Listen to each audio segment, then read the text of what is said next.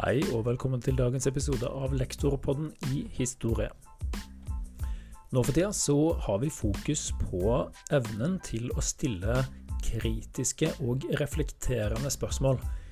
Og som en del av det så tar jeg imot eh, nettopp eh, denne typen spørsmål fra elevene.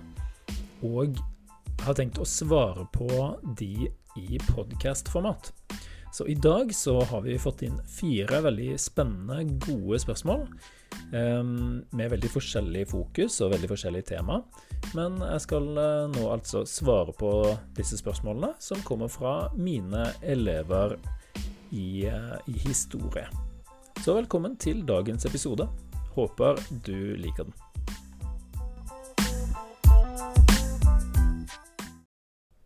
Det første spørsmålet det dreier seg om maya-sivilisasjonen i Mellom-Amerika. Spørsmålet er hvorfor tror du at mayaene ikke motsatte seg menneskeofring? Mayaene kunne så mye om astronomi. Hvorfor kunne de ikke da eh, forstå at solformørkelser ikke kom pga. gudene, men pga. at det var en vitenskapelig forklaring på hvorfor det skjer? Et veldig godt spørsmål. Ehm, det er jo flere spørsmål, egentlig ett. Ehm, for det første så ja, så kan jo det være flere forklaringer på, på dette. Som, som, alltid i historie så, så, er det sjelden at det er bare én forklaring. Det, det, er ofte mange forklaringer, og veldig ofte er det sånn at man ikke egentlig vet, men man kan, man kan komme med teorier, og man kan tro, tro hva som har skjedd. Eh, jeg tror at eh, man må forstå det at, altså at når man sier at mayaene kunne veldig mye om astronomi, så var det ikke sånn at alle mayaer kunne veldig mye om astronomi. Det var noen veldig, veldig få som kunne noe om astronomi. Det var nok sannsynligvis prestene, eller viten, det vi kanskje i dag ville tenke på som vitenskapsmenn. Eh, men i praksis da, i, i mayasamfunnet, så var det en, en liten eh, elite som hadde tilgang på denne, denne kunnskapen. Og de kan potensielt ha misbrukt, eller i hvert fall brukt, den eh, kunnskapen til å manipulere religiøs tro i befolkningen. Eh, mm, det kan jo godt hende at de trodde på gudene selv, det gjorde de jo sannsynligvis. De fleste religiøse tror jo på sin egen religion, selv om de samtidig bruker religionen til å styre befolkningen, kan man si. Det samme ser man i, i kristendommen, um, hvor en, en, kristen adel eller en kristen uh, et kristent presteskap styrte samfunnet. De brukte religion for å styre befolkningen. Men det var ikke dermed sagt at de selv ikke trodde på Gud, og bare brukte det som et uh, virkemiddel. Um, det er nok litt mer komplisert enn som så. Så eh, et kort svar. Maya-sivilisasjonen som en helhet hadde veldig mye kunnskap om astronomi, men folk flest hadde ikke det. Det var eliten som hadde den kunnskapen. Eh, man antar også at folk flest i Maya-sivilisasjonen ikke kunne skrive og lese. Det var også noe som var forbeholdt eliten. Eh, og dermed hadde nok ikke folk noen forståelse av vitenskap som sådan. Ikke på det nivået. Eh, det første spørsmålet var hvorfor mayaene ikke var imot menneskeofring. Og eh, da, da, kan jeg nesten snu det spørsmålet rundt. Altså hvorfor skulle de være mot menneskeofring? Er, det noe, er det noe grunnleggende galt i å ofre mennesker? Eh, ikke egentlig, hvis du ser på det fra naturen sin side. Eh, mennesker er jo dyr. Eh, og i, i enkelte samfunn så, så kan, kan, man ha den troen at det å ofre noen av en eller annen grunn kan være en positiv ting. Eh, hvis det er en grunn til det, da. Eh, I vår tid så har vi jo funnet opp konseptet med, med menneskeverd, hvor mennesker har en slags iboende verdi, at vi er spesielle, at vi um, Ja at det er galt å ta liv, f.eks. Eh, samtidig som, eh, som det er mange andre eh, situasjoner hvor vi syns det er OK å ta liv. Eh, f.eks. i krig, eller um, ta livet av andre dyr. Altså vår sivilisasjon, vår moderne sivilisasjon er jo i veldig stor grad basert på um, utnyttelse av andre dyr. Um, som vi ikke syns er galt, eller i hvert fall ikke problematiserer på samme nivå som, som uh, å ta livet av mennesker. Um, og det kan man jo si er naturlig, fordi at det å ta livet av noen av samme art er kanskje verre enn en andre, da. Men, men, likevel så tror jeg nok at det, dette er kulturelt. Altså I en mange, mange forskjellige samfunn opp igjennom så har det å ta liv ikke nødvendigvis vært negativt. Men, men den menneskeofringen som eh, er ganske omfattende, da, kan man si, i Mellom-Amerika, ikke bare hos mayaene, men kanskje i enda større grad hos aztekerne, f.eks., så, så tar dette virkelig veldig Altså, det er store proporsjoner, da. Det er snakk om at de ofrer store mengder mennesker, eh, spesielt aztekerne. Eh, og da tror jeg nok at det er kulturelt og religiøst betinga. Det er også snakk om at i mayakulturen så, så var det enkelte som ønska å eh, bli ofra. Altså at det var et privilegium. Og da henger det nok sammen med sosial status og religiøs tro. Um, man kan se på det f.eks. å leve som en munk, altså å forsake alt av Alt av det som i vår verden gir status, da. Penger, eh, makt eh, den typen ting. Det, det, forsaker man jo hvis man lever som en munk. Det er jo et slags offer, men man gjør det av religiøse grunner. Eh, og da kan man se på det samme, kanskje, altså den menneskeofringen hvor man frivillig lar seg ofre. Kanskje det er rett og slett bare religiøst. OK, så kulturelt og religiøst betinga eh, ofring, altså, tror jeg. Eh, vi går videre til neste spørsmål.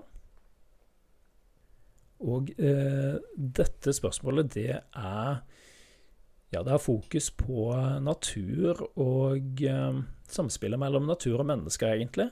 Hvis vi hadde hatt et fokus på å bedre eh, vårt land og vårt område og vårt eget samfunn, hadde da både økonomi og natur eh, hatt Eh, en balanse i verden i dag. Spørsmålet er hvorfor hjelper det å bygge seg selv opp ved å kolonisere andre områder, men så ikke greie å opprettholde det? Eh, det syns jeg var et veldig godt spørsmål. Eh, altså, hvorfor prøve å ta over et område Hvorfor prøve å ekspandere? Hvorfor prøve å få mer hvis du ikke kan opprettholde det? Da tror jeg vi er inne på Ja, jeg, jeg ville svart nesten at det har mest med den menneskelige psyken å gjøre. Um, jeg tror det kan være utrolig mange grunner til at vi gjør ting som ikke nødvendigvis er så veldig logiske. Men men jeg tror at mennesker har en tendens til å uh, Vi er kanskje litt grådige. Eh,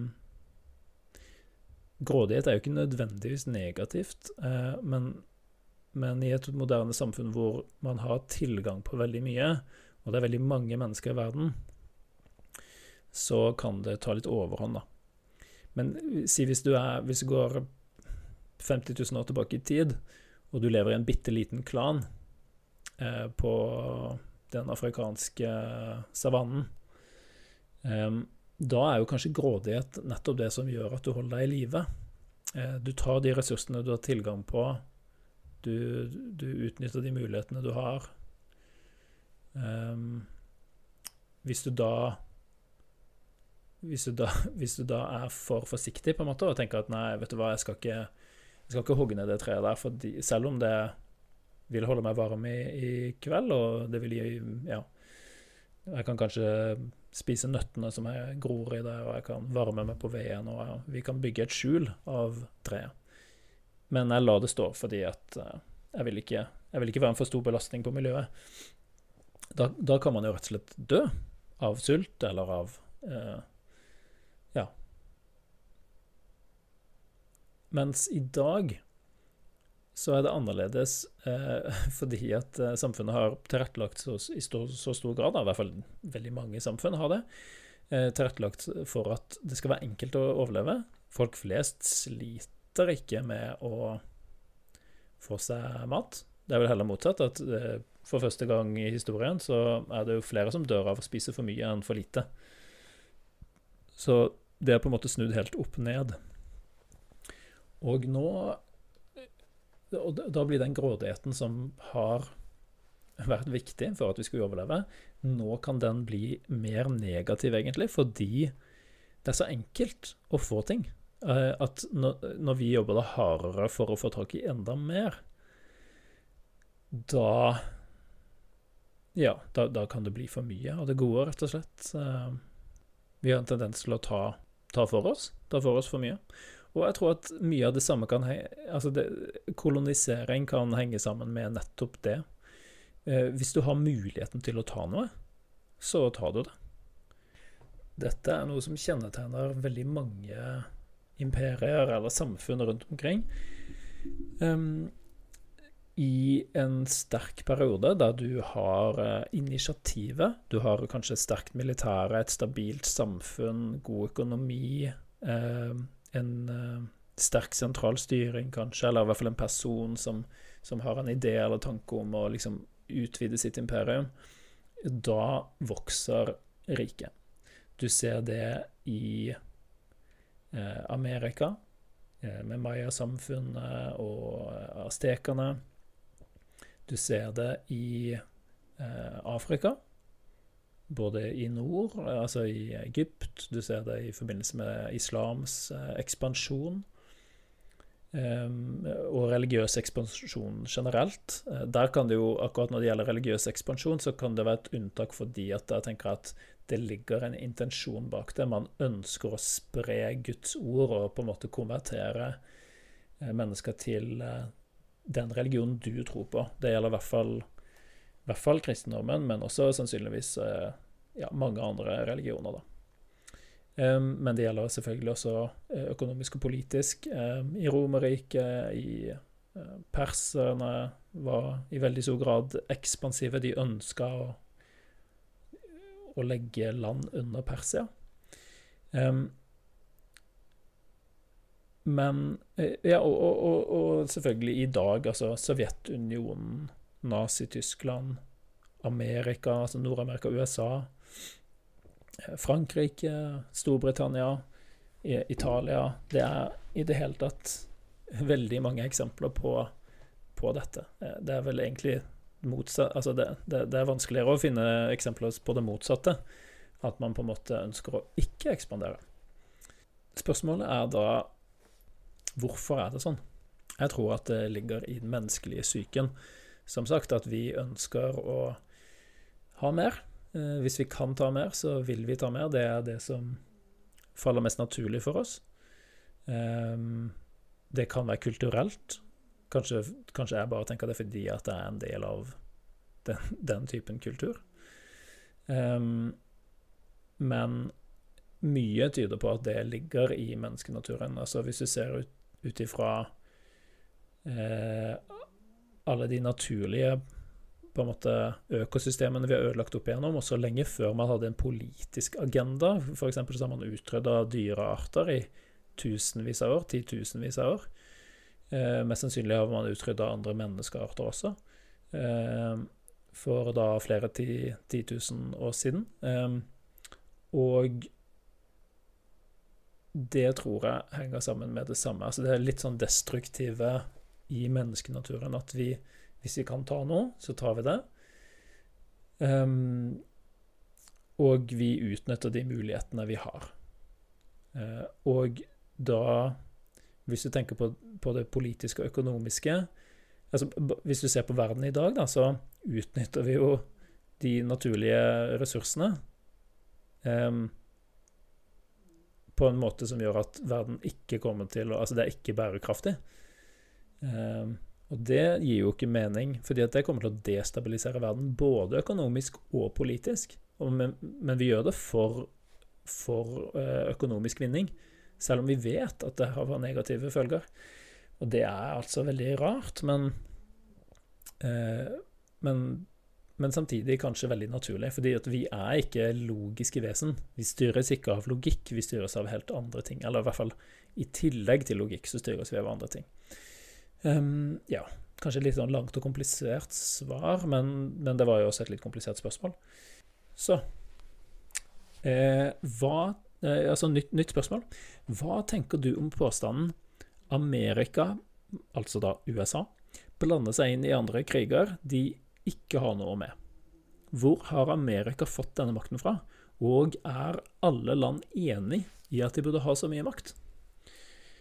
Eh, veldig godt spørsmål. Da er vi inne i eh, den politiske og ja, den politiske, moderne sfæren. Amerika blander seg inn i kriger de ikke har noe med.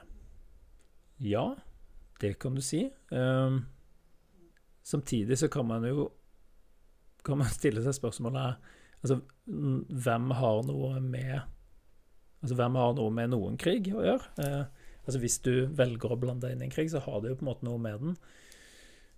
Um, det finnes jo mange forskjellige typer kriger. ikke sant? Det finnes borgerkrig, f.eks. Den er jo mer sånn internt anliggende. Men hvis et annet land har noe å vinne på å blande seg inn i en borgerkrig, hvorfor skulle de da ikke blande seg inn? F.eks. hvis du kan tjene penger på å selge våpen til den ene sida, eller du kan samarbeide med den ene sida mot at de gir deg politiske fordeler etter at de har vunnet krigen. Altså, da, hvis det er sånn, så har man jo noe å, å, vinne på det. Og man ser jo at dette er noe USA har gjort, men det er også noe det er også en helt vanlig ting å gjøre. Altså, det er noe Russland gjør i svært utstrakt grad. Um, så det er i hvert fall ikke unikt for Amerika. Jeg tror nok at um, USA har jo en litt spesiell situasjon, eh, fordi det er en spesiell posisjon i verden i dag. Det er ikke en posisjon som, som er unik. Eh, det er andre land som har hatt den samme posisjonen før. Eh, men det er en vanskelig posisjon. Eh, hvor de har fått den fra eh, det er vanskelig å si. Altså det, det, er jo en situasjon de har havna i, kanskje litt tilfeldig, pga. den rollen de spilte i andre verdenskrig. Først og fremst så vil jeg si det er derfor. Andre verdenskrig Altså USA før og etter andre verdenskrig er to forskjellige, helt forskjellige samfunn. Og du kan kanskje si, hvis du ser på første og andre verdenskrig som én lang konflikt, egentlig, fra altså 1914 til 1945 det er ikke så mange år, men verden endra seg totalt på den tida. Eh, det britiske imperiet falt helt sammen. Eh, det franske, franske kolonimakten gjorde det samme. Tyskland gikk fra å være en verdensmakt til å være et splitta land som var helt knust, bomba i fillebiter. Eh, og en ny verdensmakt, Sovjetunionen, og Eh, og kommunisme hadde dukka opp på, på verdensscenen på bare noen få år. Og midt oppi dette så kommer USA også. Eh, en veldig folkerik region i verden. Enormt mye naturressurser. Eh, veldig positive koblinger til den øvrige vestlige verden, altså hovedsakelig Vest-Europa, kan man si samme kultur, samme Ikke sant. Altså, de, de hadde tette bånd, da. Som gjorde at de kunne samarbeide veldig lett med både Frankrike, Storbritannia, eh, ja, Spania osv. Eh, og det gjelder da ikke minst økonomiske og industrielle. Eh, og da blei det bare sånn, fordi at resten av verden i stor grad ble ødelagt av andre verdenskrig, mens USA nesten utelukkende ble bygd opp av andre verdenskrig. De fikk en enorm industri. og Denne industrien var jo hovedsakelig for å lage krigsskip, våpen, artilleri, fly, eh, ammunisjon osv., og, så og, og ikke minst matvarer da, til resten av verden. Um, I tillegg ble jo resten av verden også ødelagt av krigen. ikke sant? Sovjetunionen fikk enorme skader, både materielle og menneskelige. Sammen med Tyskland. Til en viss grad også det samme med resten av Europa.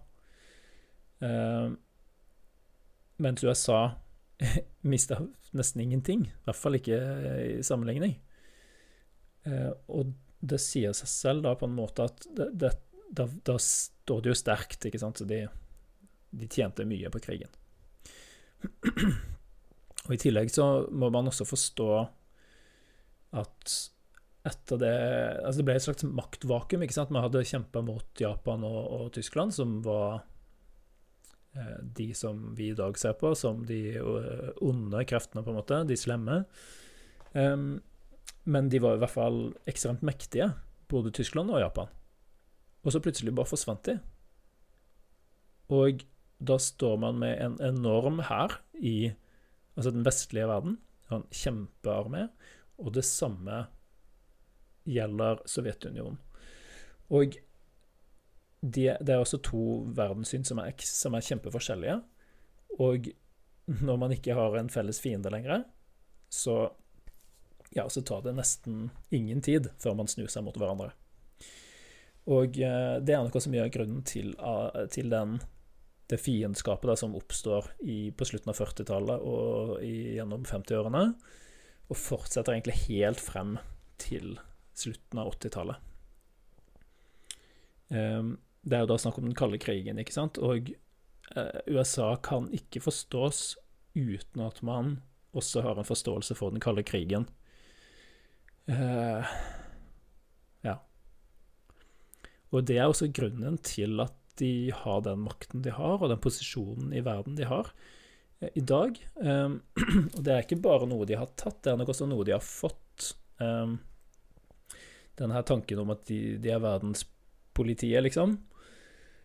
Det er jo også det er også mye, mye, av grunnen til at de sliter med, med, sin politiske agenda, sånn som de gjør nå. Det er veldig mange som misliker USA, spesielt i den arabiske verden, Midtøsten, men også i Øst-Asia.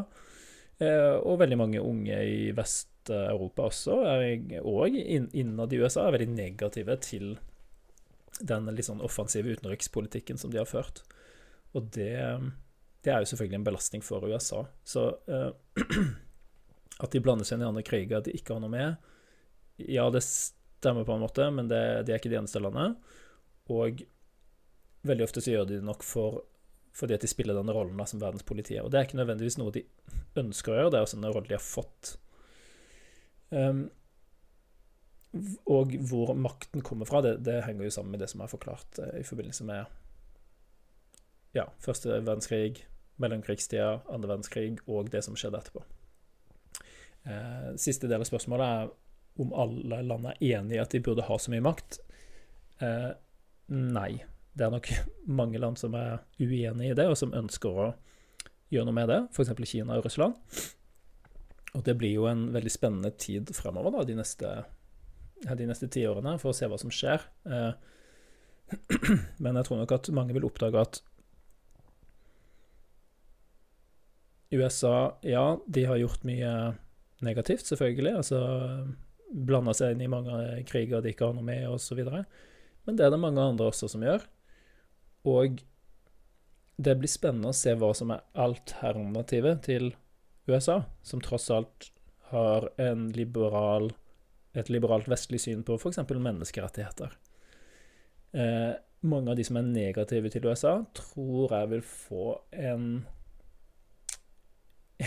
en eh, negativ oppvekk... Altså oppdrag. Altså negativ opplevelse av framtida hvis hvis liberalisme og eh, menneskeverd og den typen ting, hvis, hvis, det får mindre Hvis det blir mindre fremtredende, da. F.eks. Hvis, hvis Kina blir verdensledende. Det tror jeg nok ikke blir noe bedre, i hvert fall. Siste spørsmål i dag, det er om eh, svartedauden, faktisk. Så nå skal vi litt tilbake igjen i tid. Um, vi har hoppa litt frem og tilbake her. Uh, nå er det altså middelalderen da vi, vi har fokus på. Og svartedauden, altså denne byllepesten som spredde seg fra Asia gjennom, ja, gjennom Asia og til Europa eh, på midten av 1300-tallet, den fikk enorme følger for alle samfunnene den, den påvirka. Um, og hvorfor, spørsmålet er altså hvor, hvordan spredde svartedauden seg så kjapt? Um, hadde de noen tiltak for å stoppe spredningen? Um, for det første så må vi jo se på altså, hvor lang tid tok det egentlig. Um, det gikk jo ikke så fort. Altså korona, f.eks., hvis vi kan bruke det som et, en interessant um, sammenligning. Er det spanskesyken på, på 1918-1920-tallet? Um, spredde seg veldig mye fortere. Um, svartedauden brukte rundt regna ti år på sin ferd gjennom Asia um, og til Europa, og kom jo til Norge først i 1349. Eh, men da hadde den allerede herja gjennom mange, mange land i, i både Europa og Asia eh, i lang tid. Eh, og sykdom sprer seg jo gjennom kontakt, enten fra dyr til mennesker eller mellom mennesker, i all hovedsak man hadde global kommunikasjon. Eller ikke global, man hadde jo ikke funnet for eksempel, altså Det var ikke kontakt mellom Amerika og Eurasia, f.eks., eller Australia, så det var jo flere områder av verden som var helt isolert, som, man, eh, som ikke hadde kontakt med hverandre. Men Afrika uh, og Eurasia, altså Europa og Asia, hang sammen. Selvfølgelig fysisk, men også når det gjaldt ting som politikk, økonomi, handel, kulturutveksling eh, osv. Og, og gjennom denne kommunikasjonen spredde sykdom seg. Både over land, det var jo handel og krig og eh, omrei... Altså, man kunne reise, i hvert fall hvis man var handelsfolk, da, eh, over land, men også via handel som foregikk over havet. Og det var nok handelen over havet som i størst grad spredde sykdommen. Um, den kom til Norge, så vidt man vet, via et handelsskip som la til i Bjørgvin, eh, da datidens navn på det som i dag er kjent som Bergen, som var nok eh, kanskje den største og viktigste byen i eh, Norge på den tida med mulig unntak av Nidaros, eh, Trondheim. Men i hvert fall handelsmessig uten tvil den viktigste byen i Norge. Um, og ikke overraskende, da, som den største handelsbyen, så var det dit sykdommen kom først. Um, så svaret er nok rett og slett uh, at det gikk så fort som det gjorde, um, grunn av at man da hadde en nokså godt utvikla handel både til sjøs og til lands. Hadde man noen tiltak for å stoppe spredningen? Eh, både ja og nei. Man hadde vel ikke noen veldig god forståelse av hvorfor den spredde seg. Eh, noen tenkte at det handla om eh, altså religion, at det var Gud sin straff mot menneskene. Så da, jo, da, gikk jo tiltakene ut på å vende om og gjøre bot. Um, og kanskje å slutte å synde, ikke sant. Um, bare følge Gud sine bud, være veldig, være veldig, religiøs. Det var kanskje det beste man kunne gjøre, uh, hvis man trodde at det var årsaken.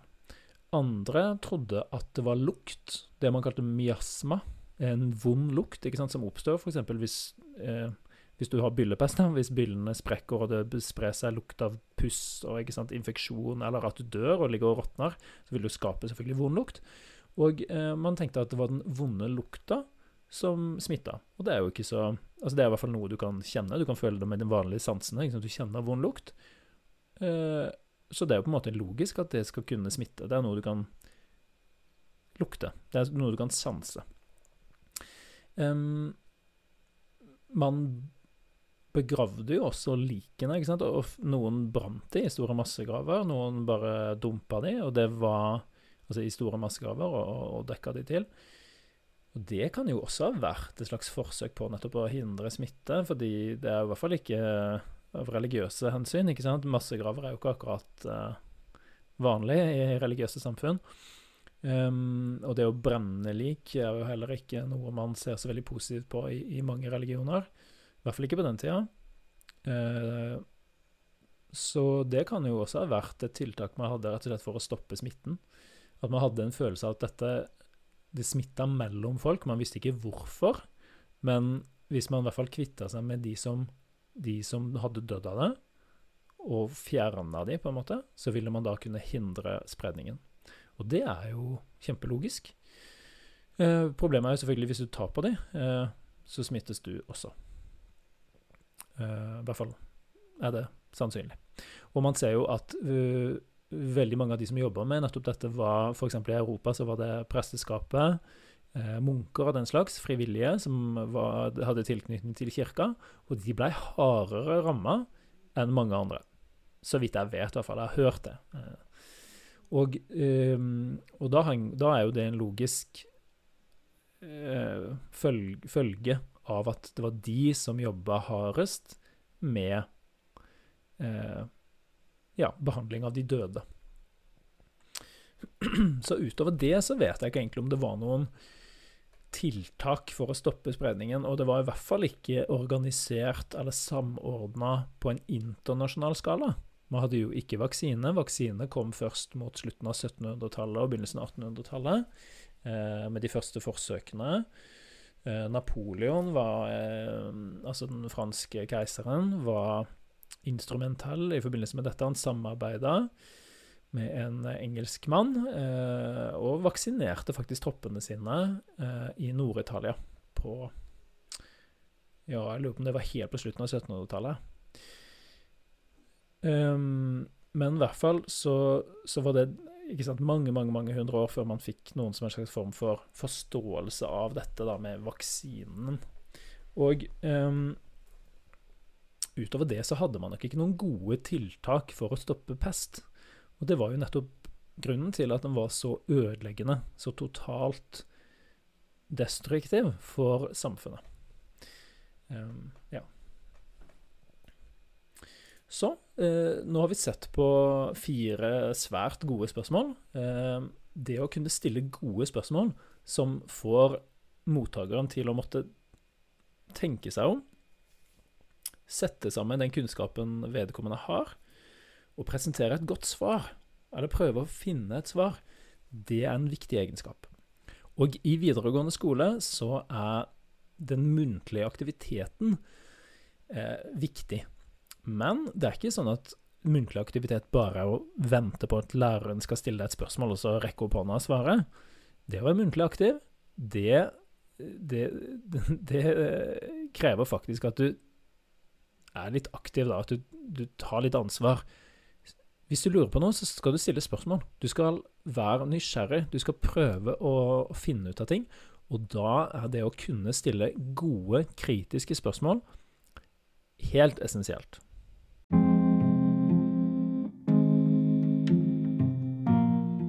Frem til neste episode så Still gjerne noen gode kritiske spørsmål, og send gjerne inn spørsmål til Lektorpodden, så skal vi se om du ikke kan få et godt historiefaglig svar. Tusen takk for at du hørte på i dag. Ha en fin dag.